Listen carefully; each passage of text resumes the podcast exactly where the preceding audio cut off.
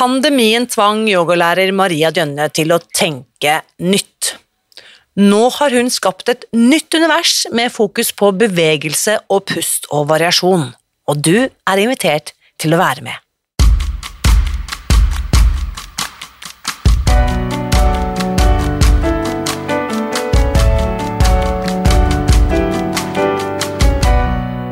Mitt navn er Irina Lie.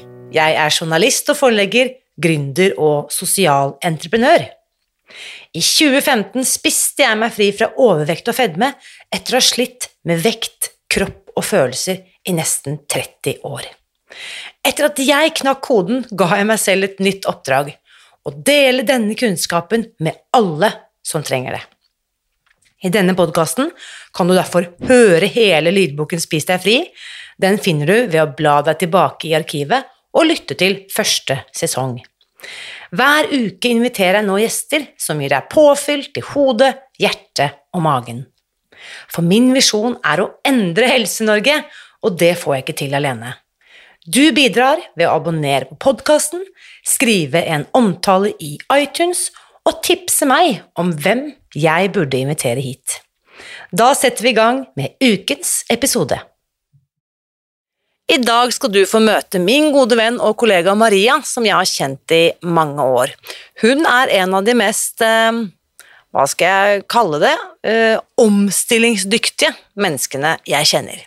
For når én dør lukker seg, er Maria en sånn person som på en eller annen finurlig måte finner en vei videre. Og hva hun gjorde da pandemien i praksis gjorde henne arbeidsledig, den historien skal du få høre i dag. Her er ukens gjest. Kjære Maria, velkommen tilbake til podkasten. Tusen hjertelig takk, Irina. Du, det her er jo, Vi måtte ta en liten recap nå før vi satte i gang eh, record-knappen. For det er tre, drøye tre år siden du var med her eh, forrige gang. Det var i episode nummer 30 som eh, ble kringkastet i mars 2020. And what a ride it has been. ja, hva var det vi fant ut? Ti dager etter nedstenging så kom den podkasten ut. Ja, og jeg husker at jeg er ganske sikker på hvis jeg ikke husker dette feil, at vi spilte inn den sånn omtrent samtidig med at Norge ble stengt ned. Og så tenkte jeg sånn Vi gidder ikke snakke så mye om det, for det er sikkert blåst forbi før podkasten blir sendt. Siden det var noen dagers forsinkelse mellom opptak og, og publisering. Men uh, vi kan vel trygt slå fast at det var veldig lite av det som blåste forbi. Det tok noen år, ja. Det tok ikke noen dager. Du var veldig optimistisk. Det, det er bra. God egenskap. Ja, ikke sant? Fordi vi har kjent hverandre i noen år, og du er jo i likhet med meg opptatt av eh, ja, hva skal vi si er overskriften, da? Kanskje yoga eller livskvalitet? Det er kanskje et bedre, et bedre ord? Ja, la oss se livskvalitet. Ja. Ikke det. Mm. Ehm, det som var tema da vi snakket sammen eh, i mars 2020, det var jo den fantastiske festivalen du skulle arrangere som het Zen in the City, som du skulle arrangere i Bergen den våren. Ehm, hvor jeg også skulle delta eh, og ha en yogatime med fokus på å spise deg fri. Alt dette gikk jo ad undas. Kan du ikke fortelle litt først, eh, Maria, hvordan har disse årene vært for deg, og hvordan har det påvirket din praksis, hvis det går, går an å si noe om det? Ja, hvor skal man begynne? Ja. Hvor lite skal man følge det? For det har jo påvirka så utrolig mye. Det begynte jo allerede da med festivalen som jeg skulle snakke om. Festivalen du skulle være med på. For den skulle jeg ha rundt 20. rundt 20. mars 2020. Så det var jo bare å legge det dødt. Og så gikk man jo bare inn i denne bobla da, uten å vite um, noe som helst. Det husker vi jo alle. Mm. Den håndterte vi jo ulikt. Uh, og jeg, jeg, gikk veldig inn i ei boble, husker jeg. Eh, begynte å sy i stedet for å gå online med yogastudioet mitt. For jeg måtte jo også stenge ned yogastudioet mitt. Og kjente at jeg orka ikke å sette meg inn i for mye sånn online-greier. Så jeg gikk tilbake til mitt gamle virke som designer og begynte å sy, designa klær igjen. Og, Og Siden den gang så har jeg jo lagt ned yogastudioet mitt. Det tok så lang tid at jeg orka ikke lenger å sitte på det og håpe på at det skulle være grunnlag for å drive det på normalt vis igjen. Mm. Og, ja. og yogapraksisen den har heldigvis vært med hele tida. Heldigvis, for eh, jeg vet ikke hva livet hadde vært for min del uten mm. yoga min. Så, så, det med at vi snakker om livskvalitet i stedet for å snakke spesifikt om yoga, det liker jeg godt. Men så er det da yoga som er mitt verktøy for å mm. håndtere dette galne livet som vi lever i for tida. Så, så, den har nok den har alltid vært viktig, men den har blitt mer og mer viktig. Og i dag så våkna jeg klokka fem, og da var det bare sånn Ok, jeg må bare være on a mission, fordi at vi trenger det. Eh, bare mer og mer. Noen verktøy som hjelper oss til å, til å holde oss rolige og føle stabilitet i livet. Det har blitt et nytt ord for meg som er viktig i yogapraksisen. Stabilitet. Yes. Det er kanskje forskjellen. Før covid så handla det i min praksis og i min formidling av yoga mye om roe ned. Det var one slow yogi jeg gikk under. Det handla om å, å, å roe ned. Men nå kjenner jeg at det har blitt bytta ut med stabilitet som et viktigere stabilitet og styrke som viktigere ord som beskriver det. Ja, interessant. Fordi at um, det er jo, og, og i det så, så, hører jeg også på en måte ordet balanse.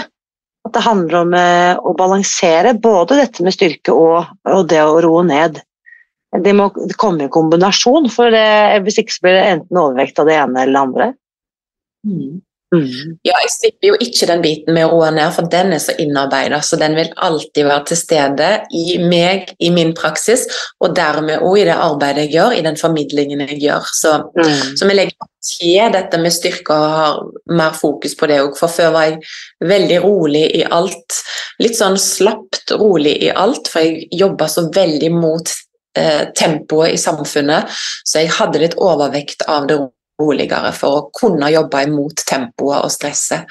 Men nå er det et nytt lag. Sammen med roen så må også stabilitet, styrke og, og balanse, som du sier, med. Mm. Det her er så spennende, og det er også interessant det du sier når du da når verden blir stengt ned og de fleste av oss tidobler antall timer på nett, så går du egentlig motsatt vei og vender tilbake til den utdannelsen du også har som håndverker og på en måte tekstilkunstner og jeg vet ikke, sydame. Fortell litt om den bakgrunnen der, eh, Maria. For det er veldig artig at eh, det er, ikke, det er kanskje ikke alle som vet det om deg?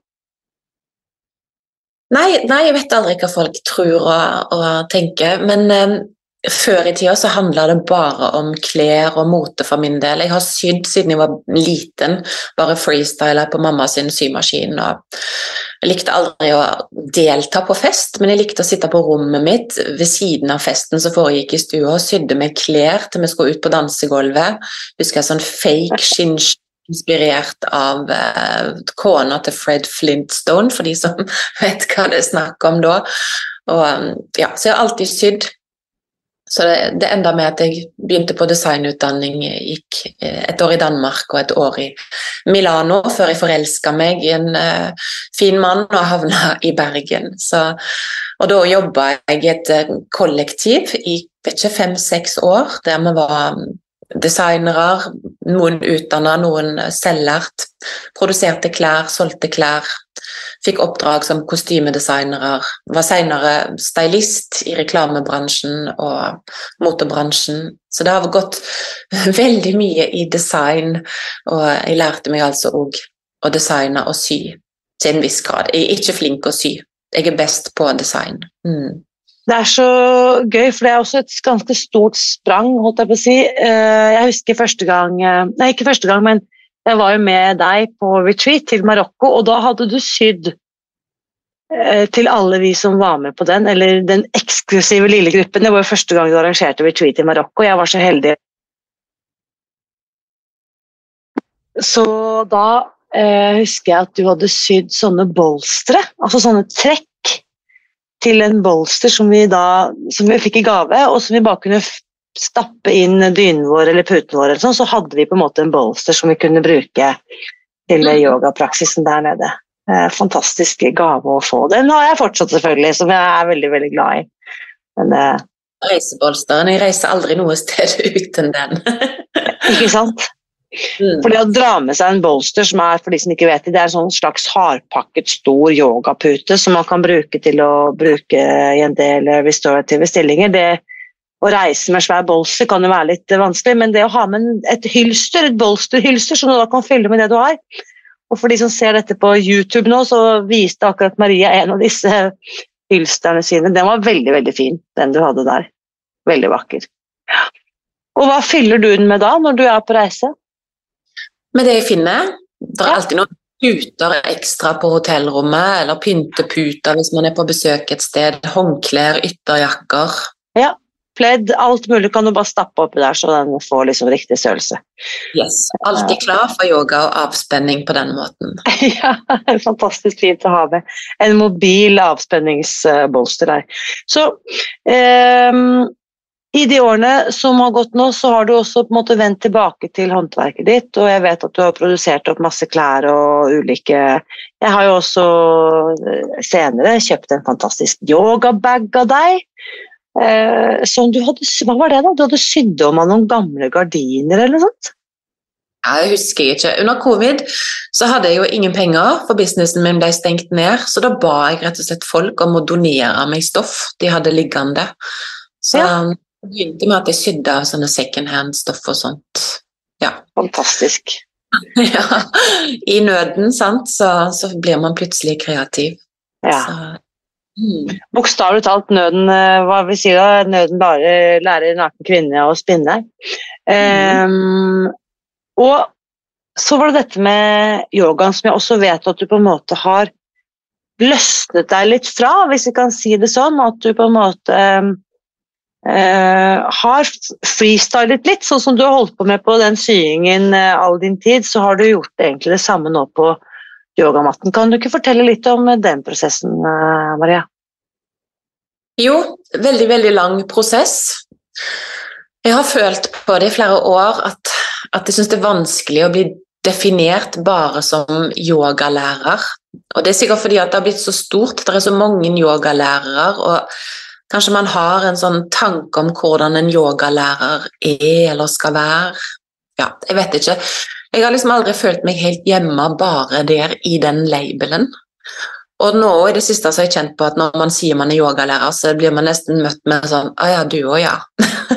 og så tenker jeg bare nei, ikke du òg, ja. Jeg er ikke bare en random yogalærer. Jeg har holdt på lenge, sant. Jeg har hatt det som fulltidsjobb i mer enn ti år. Um, så jeg har klart å løs, løsrive meg for å bli mer meg sjøl, bare. Jeg er Maria som gjør eh, yoga, som eh, formidler yoga til andre. Inspirerer andre til å få et godt liv, for det er jo tilbake da, med denne livskvaliteten. Så, så, nå kaller jeg det mye for movement and meditation, og det er på English, I know, men jeg, jeg er bare sånn, jeg bruker mye engelsk, vi vet ikke helt hvorfor. Um, men det formidles på karmøysk, altså. Og da, da, handler det om hvordan vi kan bevege kroppen også ut av yogastrekkene. For yogaen er jo ganske statisk og holdt. Og i det siste så syns jeg vi trenger å tilføre litt mer energi, så jeg har begynt å bare mikse yogaen med det jeg kaller for funny cardio, der vi hopper og gjør sånne aerobic-triks som jeg husker fra aerobicen på Karmøy i ca. 1992. Og ja. Eh, for å, for å, bevege energien på en annen måte. For jeg synes det det er en tyngde som henger igjen etter disse årene vi har eh, vært gjennom. Og, og, det er liksom ikke blitt en sånn normal verden sånn som vi levde før. Økonomien, krig så Vi vet hva det er snakk om. Så denne tyngden føler vi må gjøre noe med òg. Og yogaen, ja, den gjør oss rolig, men vi må av og til løfte energien òg. Så derfor movement, for da kan vi både gjøre yoga og så kan vi gjøre funny cardio, og så får vi full pakke der òg. Jeg elsker det. Jeg tror det er så viktig, akkurat det du sier der, at uh, det er som vi på en måte har stagnert i et litt sånn mørkt sted. At uh, det er veldig lett å legge merke til alt det som er galt i denne verdenen. Uh, og da trenger jeg av og til liksom å løfte meg selv opp etter nakkeskinnet og bare riste litt løs. Um, Og så minner jeg meg selv på dette, dette er det jeg får opp når du forteller, er liksom at livet er en lek. Ja, Vi må iallfall prøve å minne oss sjøl på at det godt kan få være det. Ja. For eh, vi må liksom nyte denne tida vi har blitt tildelt her, da. Ikke sant? På moder jord, om vi får være så yogisk og si det på den måten. Så Mm. er det Jo, men jeg, tenker sånn at hvis da, hvis vi bare for eksempel skyld, hvis vi tenker oss at livet skal lekes, hva ville jeg ha gjort da?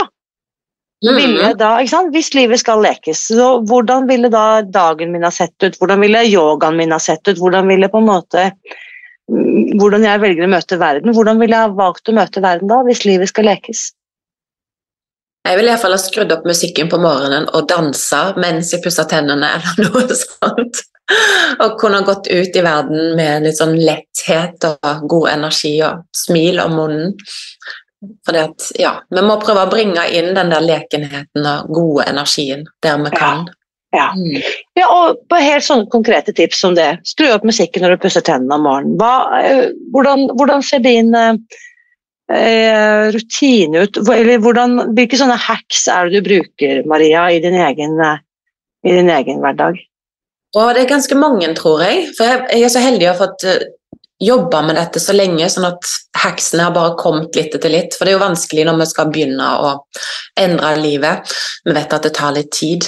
Men jeg, eh, jeg gjør en pusteøvelse sittende i senga, som får meg eh, våken hver morgen. Og så går jeg ut i stua mi, der yogamatta alltid ligger på gulvet. Kunne jeg bare spørre hvilken pusteøvelse er det du gjør da, sittende i sengen? Er det ildpust? Nei, det er, det er bare min egen greie, og jeg kaller den bare pustepausen. Det Pustepausen. er basically seks gang, eh, fem ganger seks dype pust inn nesen, ut munnen. Så det er fem Nydelig. runder, og i, i hvert sjette pust så holder jeg pusten inne i ti sekunder, og så ute i ti sekunder. Altså det er fem nye dype pust, og så et pust der jeg holder. Ja. Så gjør jeg det fem, fem runder. Veldig enkelt, men det gir god kontakt med kroppen, god kontakt med pusten. Det, det vekker meg opp på morgenen. Så, Så utrolig bra. Mm. Så pustepausen der, og så går du inn i stuen. Ja, da er det de tibetanske ritene jeg gjør. Det er jo fem sånne fysiske øvelser som er laga for å holde energiflyten i gang i kroppen. Holde energien i gang, styrke og strekke kroppen. Så jeg gjør eh, 13 repetisjoner av hver av de øvelsene har jeg landa på nå. Mm. Wow. Mm -hmm. Det har blitt en sånn hack som jeg bare gjør. Trenger ikke å tenke på det. Jeg syns det er litt mer slitsomt å pusse tennene enn jeg synes det er å gjøre den pusteøvelsen og de tibetanske ritene. Det sier jo alt. Det er fantastisk. Og så lager jeg meg en matcha-latte etterpå og sitter helst og drikker den mens jeg ser ut vinduet på de grønne forbi. Nettopp. Åh, deilig. Og jeg vet at du i likhet med meg har eh, tenåringsbarn. Klarer du å eh, Hvordan gjør du det? Eh, får sønnen din beskjed om at eh, do not disturb? Hvordan eh, ordner du det? Står du opp før han står opp? Hvordan gjør du det rent praktisk? Prak praktisk? Ja, jeg, eh, Pusteøvelsen gjør jeg alltid i senga når jeg våkner. Det er ingen andre i den der senga, så det kan jeg bare gjøre. Plager ingen. Og så spørs det om jeg har klart å stå opp i tide før Ola skal på skolen, sånn at jeg gjør ritene før jeg vekker han. Og hvis ikke, så får jeg han ut døra før jeg gjør det. Han er veldig kjapp ut døra. Så Ja. Mm. Mm. Og jeg, jeg, elsker, jeg elsker bare å høre det, for at det er sånn at det, det går an å finne løsninger. Kanskje betyr det da at jeg kan stå opp en halvtime tidligere, men det er mulig å få det til hvis jeg, hvis jeg bare planlegger litt. Ja, og så må man bare tilpasse, tenker jeg. Man må ikke ha sånne ideer om ting man må, og hvordan de må gjøres, og når det må gjøres. Så lenge man bare gjør det. Just do it. Mm. Og det er det, Hvis man vil endre noe i livet, så må man bare begynne med en så liten endring som mulig ofte. Hvis det ikke er en endring som krever at man gjør en stor endring her og nå, men en sånn liten endring som mulig. Og når man bare klarer å gjøre den lille endringen, så vil man ofte ha mer. Og da blir det lettere å gjøre en litt større endring, og så er det godt, og så vil man ha enda mer, og så fortsetter det å balle på seg, og så blir det ofte en livsstil etter hvert, da. Blir en del av mm. Så eh, for eksempel eh, vet jeg at eh, dette med pust Vi nevnte jo Zen in the City, denne festivalen som dessverre ble avlyst i mars 2020. Eh, det er en god nyhet, fordi det blir jo ikke det samme som skal skje nå i, i juni, men en, en, del av den festivalen på en måte får en slags gjenoppstår likevel. Kan du ikke fortelle litt om det, apropos pust og din connection med Tim? Mm. Tim van der Fleet, som kommer fra Amsterdam. Og det var egentlig med han hele festivalen starta, for jeg hadde jo festivalen for første gang i 2019.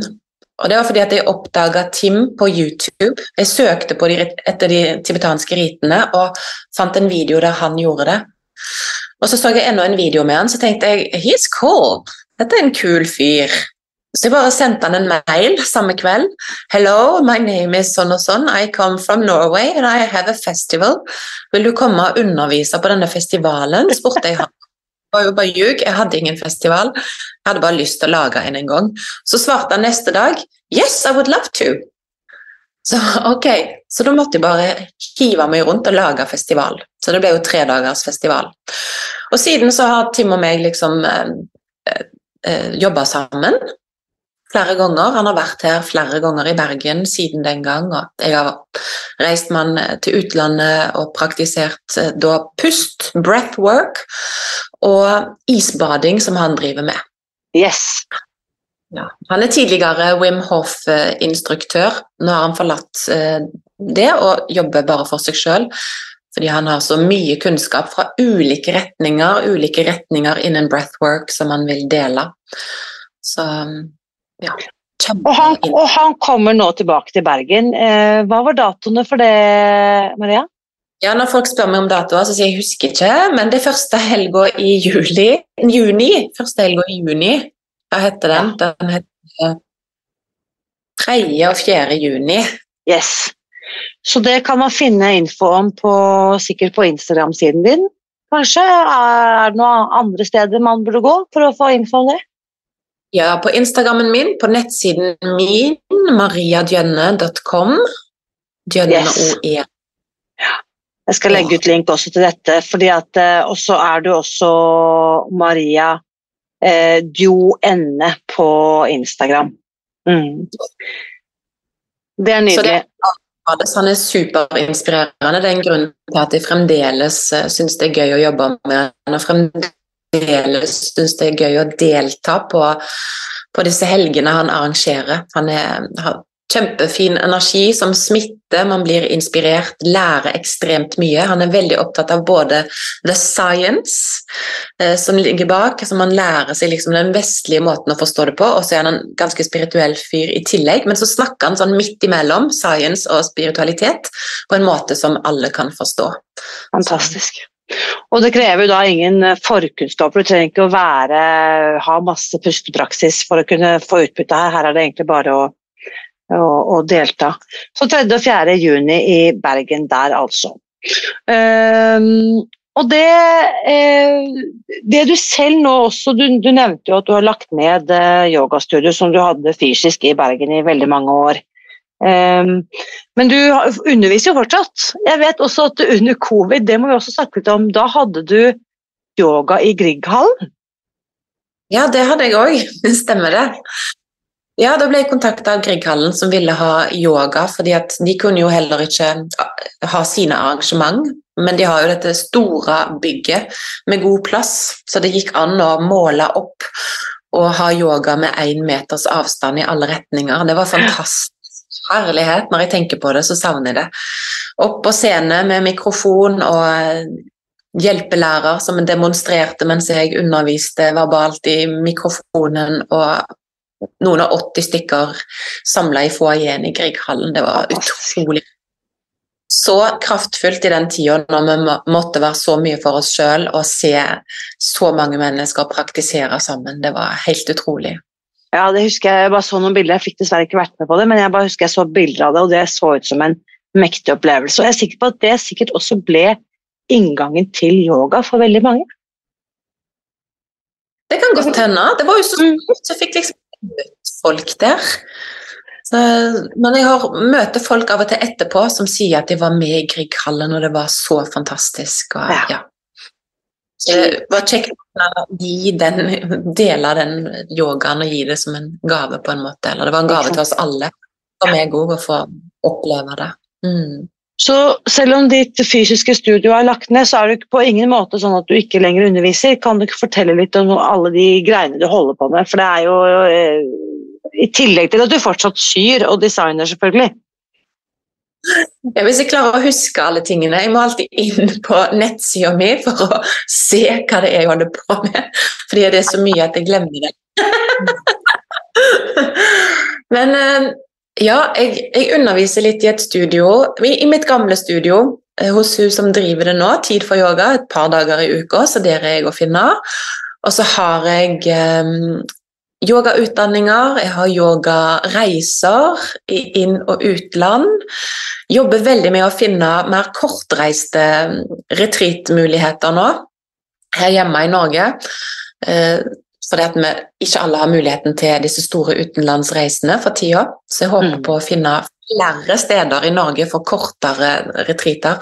Jeg elsker å samle mennesker. Det skjer så mye fint når vi kommer sammen. Når vi begynner å prate og ja, åpne litt opp for hvordan livet er. Vi tror ofte at mitt liv er sånn, og alle de andre har det sånn. Men når vi kommer sammen, begynner å prate, så ser vi at vi har det ganske mm. likt ofte så jeg arrangerer òg uh, The Monday Morning Hotel Breakfast, som bare er at vi kommer sammen hos ulike hoteller i Bergen og spiser frokost. Ja, det visste jeg ikke. Det, det har hørt seg fantastisk ut. Altså, som hvem som helst kan bli med på, og det er bare å signe opp? Ja, det har ingenting med yoga å gjøre, det er bare en sånn sosial eh, setting. Fordi vi må komme sammen av og til og berike livene til hverandre. Så det er bare det. Og så skjer det på mandag morgen, ukens kjipeste morgen. Og folk sier det at de, de går liksom inn i uka med et helt annet humør og godfølelse. og har gjort det sånn luksus, pynter seg gjerne litt på disse frokostene og sånt, så det er utrolig gøy. Så denne uken, for eksempel, hvor var dere denne, denne uken? Jeg har det en gang i måneden, så neste er Altså, jeg må jo inn på nettsida mi sjøl for å sjekke noe. Så, men det fins på nettsida. En gang i juni da skal vi gå og spise sånn à la carte-frokost hos Opus 16 her i Bergen. Fantastisk. Så, ikke buffé, men à la carte. Du bare får masse små retter servert. og Det bare føles så luksuriøst. Og så koster det ikke så mye. Vi bruker sånne penger på, på en middag, så jeg bare sånn, hvorfor ikke bruke det på en frokost og treffe nye mennesker? Så, og så gjør jeg mye nettbasert. Jeg har mye nettbaserte utdanninger som jeg eh, fremdeles jobber med å produsere. Og så starter jeg et nytt eh, nettsted for movement and meditation snart. og det er jeg kjempespent på om det er noe som folk vil ha. For man vet jo aldri. Man sitter bare her og produserer og pumper det ut på nettet. Men jeg håper det. Et nettsted der bare vil inspirere folk til å kjenne på det samme som jeg gjør når jeg praktiserer yoga, når jeg gjør mine funny cardio aerobic-øvelser fra 90-tallet. Så det blir både yoga, og så blir det eh, aerobic, eh, hopping og dansing på video, så alle kan gjøre det hjemme. Nettopp dette du snakket om eh, innledningsvis, om å, å finne denne stabiliteten i eget liv. Da, med kombinasjonen av både det å roe ned og det å aktivere kroppen. Så det er noe du starter nå. Og jeg vet også, du nevnte her rett før vi startet at fra 1.6 så skal du ha en daglig liten Inne på dette Movement and Meditation-nettstedet ditt, så blir det, for de som signer opp der, får tilgang på en daglig yogaøvelse gjennom hele sommeren. Ja, jeg slipper en ny video hver dag i hele juni og hele juli. Så jeg bare Shit, hva har jeg gjort? Hva, hva jeg signa opp på nå? Nå må jeg jobbe masse, men jeg skal jobbe i hele sommer. Så det, det gleder jeg meg til. Så det blir bare sånne korte, maks 20 minutter lange videoer, sånn at man holder praksisen i gang gjennom sommeren. Så jeg vet hvordan det er når man ikke liksom er veldig godt i gang. Mm. Så dette spesielt i ferier og sånt. Så 10-20 minutter per dag. 60 ulike tema. Og det er også lanseringsdato for nettstedet 1.6, og da begynner denne sommerpraksisen med disse videoene. Fantastisk. Og det er jo akkurat dette å gjøre ting selv, det er ikke alltid så lett å få til. Når jeg vet at jeg har en uh, date med Maria på nett, så vet jeg at da er det lettere for meg å forplikte meg til det. Um, og gjennomføre det. Uh, og så slippe å komme opp med alt selv, men at jeg får litt veiledning. Og uh, Er det da sånn at hvis jeg er helt nybegynner og ikke har praktisert yoga, kan jeg likevel få være med på dette? Ja, absolutt. Jeg er mer lærer for alle som er litt nye til det, eller som ikke er så opptatt av å perfeksjonere noen praksis. Jeg tror de som er opptatt av å perfeksjonere en eh, avansert yogapraksis, de kjeder seg sikkert litt mer med meg. Så jeg liker helst at det jeg tilbyr, passer folk flest. Det syns jeg er mest interessant. Jeg så jeg pleier alltid å formidle det at det kan gjøres trygt for alle om du er ny eller ja. Mm. Mm. Og det jeg også må si, eh, jeg har jo vært med på mange av timene dine. og det som også er så fantastisk, når jeg da har med meg noe erfaring, så forklarer du det på en måte som gjør at jeg kan møte meg selv litt som nybegynner igjen, hvis du skjønner hva jeg mener. Som jo er en gave, fordi ofte går jeg inn i rutinene mine. Men så er det noen måten du formidler det på, eller måten du forklarer det på, som bare Å ja, ok, her kan jeg gjøre noen små justeringer og så få en, en annen opplevelse i den stillingen. Kjempeverdifullt. Jeg er nok veldig pirkete i yogaen på denne måten, ja. Men det er både litt detaljer for de som er nye, men også, som du sier, for oss som har praktisert lenge. For vi kan utføre yogaen, men det handler om å ha bevisstheten med å være til stede hele tida og undersøke. Er det noe mer jeg kan finne mer plass, mer lengde? Som ikke bare stagnerer i repetisjonen av stillingene vi gjør hver gang vi er på matta. Så hva ville du ha for den som kjenner på litt av dette vi har snakket om i dag, stagnasjon eller hvor skal jeg begynne, hva, hva ville vært ditt liksom eh, din beste hack? Hvor eh, ville du anbefalt noen å begynne med isbading, eller er det yogaen som er eh, nøkkelen her, eller pust? Burde folk begynne å sy? Altså, hva er det eh, Hvis jeg vil gjøre en endring i livet mitt, hvor, hva bør jeg først ta tak i, tenker du? For min del så er det nok å bevege kroppen. Jeg har faktisk tenkt litt på det i det siste, men å bevege kroppen um, om det er med yoga eller annen bevegelse, jeg vet jo at yoga funker, så jeg vil absolutt anbefale yoga. For den er designa sånn at man får en veldig kontakt med kroppen. Det skiller mye ofte, Eller ofte da vanlig trening ellers, og yoga skillet ligger der at i yogaen så er vi veldig bevisst på hele kroppen, hele oss sjøl. Og i det så blir vi jo mer kjent med oss sjøl og de egentlige behovene våre. Så da kan man lettere begynne å navigere videre. Hvor er det da jeg vil videre? Skal jeg da begynne å, å, å, sy, som du sier, eller skal jeg begynne å praktisere mer pust? Så For min del så er det en fin inngang gjennom den fysiske kroppen og det å bevege den. Mm. Mm. Jeg er helt enig. Jeg, jeg, jeg tror også at uh, i den bevegelsen også, for da blir jeg også kjent med hvor komfortsonen min slutter og begynner. Jeg kjenner på mine egne begrensninger, og da kan jeg på en måte Det gir meg en anledning til å kjenne hva som gjør meg godt, og hva som jeg fortsatt kan jobbe med. Da. Så bevegelse. Og så bare det å bevege energi. Vi er jo eh, energetiske vesener, så jeg tror det å ha, få til en bevegelse, en sirkulasjon, det tror jeg er livsviktig, bokstavelig talt. Så ikke det vi blir stillesittende og stillestående og stagnerer i egne liv. Jeg tror jo vi mennesker er designa sånn at vi skal være i bevegelse. Mm. Det, det, var ikke sånn verden var lagt til rette, at vi bare skulle kunne sitte hjemme og trykke på knapper. Så, så det, jeg tror det er veldig, sånn, veldig grunnleggende behov kroppen vår har, men vi, vi, har glemt det litt i det samfunnet vårt som er så lagt til rette for at vi kan være mye i ro.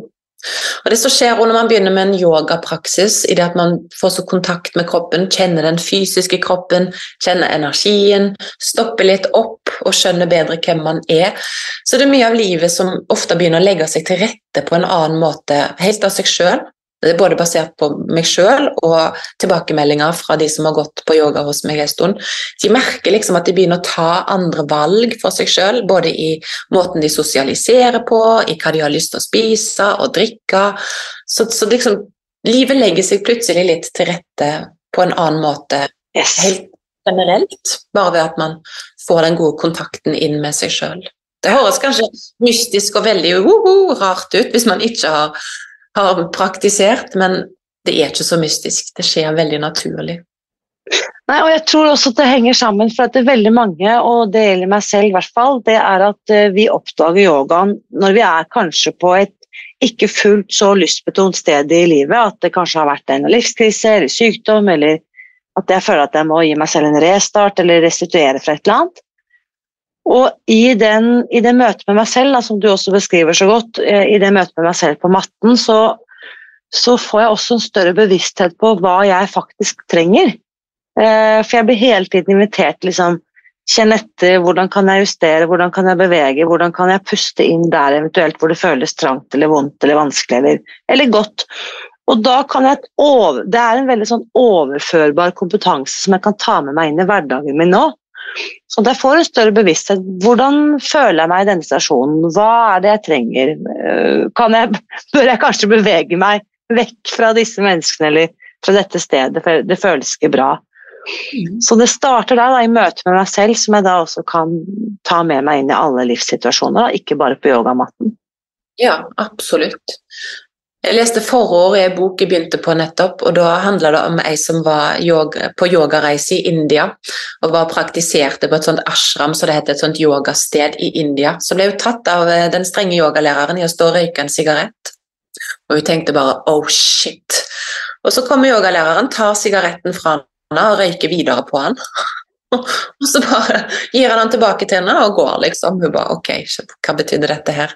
Og når hun dro derfra, så sa han det at eh, den sigaretten kommer ikke i veien for praksisen din, for yogapraksisen din. Det går fint. Så lenge du praktiserer, så er det til slutt yogapraksisen som kommer i veien for sigaretten, og du kommer til å bare kaste den fullstendig til slutt. Fordi at fra praksisen vil da bli så, så god etter hvert at den følelsen man får fra sigaretten, den vil man ikke ha lenger. Så praksisen kommer i veien for alt det andre. Så det er jo en måte å se det på. Så når vi bare begynner å ta noen gode valg, det er det jeg sa, begynn med en liten endring, for da vil den føles overkommelig og så god at man gjør litt større endring, og så forsvinner de der litt sånn dårligere vanene våre etter hvert. Det er et nydelig bilde, jeg elsker det. Så vær en dominobrikke i ditt eget liv og bare sette i gang den eh, effekten, så er det fantastisk. Ja. Eh, kjære Maria, jeg kommer til å følge med og hoppe og heie på sidelinjen. Eh, movement and meditation, altså, det skal være slagordet mitt denne sommeren. Jeg liker det veldig, veldig godt. Takk for alt det viktige arbeidet du gjør, og ikke minst at du deler med alle oss som er eh, store fans. Tusen takk. Tusen hjertelig takk skal du ha. Alltid kjekt. Nå lurer jeg på, hva tenker du etter å ha hørt min samtale med Maria denne uken? Samtalen etter ukens episode fortsetter som vanlig i den åpne Facebook-gruppen Spis deg fri, så bli med over dit og del din takeaway fra denne episoden. Hva var det som var spesielt verdifullt, eller som du syns var spesielt inspirerende å høre? Skriv noen ord om det, så er det kjempehyggelig. Og øh, vi nærmer oss jo sommeren, så i den anledning har jeg hentet frem igjen det grønneste og sunneste tilbudet vi har, nemlig dette populære kokeboktilbudet, og det finner du ved å gå til spisdegfri.no kokeboktilbud. Dette tilbudet inkluderer altså den store grønne kokeboken vår som eh, egentlig heter Den offisielle kokeboken. Her får du fargerike oppskrifter til frokost, lunsj og middag, og i boken finner du også matplaner for et helt år, tilpasset både deg som spiser kjøtt, fugl og fisk, og for deg som foretrekker vegetariske eller veganske alternativer. Og når du da bestiller kokeboken på våre nettsider, så får du med det populære nettkurset To uker som en gratis bonus. Tilbudet det finner du på våre nettsider eller ved å gå til spisdegfri.no kokeboktilbud. Og ikke nok med det, da vi lanserte denne grønne kokeboken, så inviterte vi Spis deg fri-følgere over hele landet til å lage oppskriftene hjemme på sitt eget kjøkken og spille inn en video. Og disse fantastiske gjør det selv-snuttene har vi samlet i et eget videobibliotek, som du også får tilgang på når du kjøper boken. Så her er det egentlig bare å klikke deg videre til nettsidene våre og bestille dette fantastiske tilbudet på spisdegfri.no kokeboktilbud. Boken den eh, sender vi hjem til deg i posten, så den får du om eh, noen dager, mens videobiblioteket og nettkurset to uker, det får du tilgang på med en gang. Husk også, uansett hva du velger å gjøre for å gi deg selv en god hverdag, så vit at jeg heier på deg. Alltid.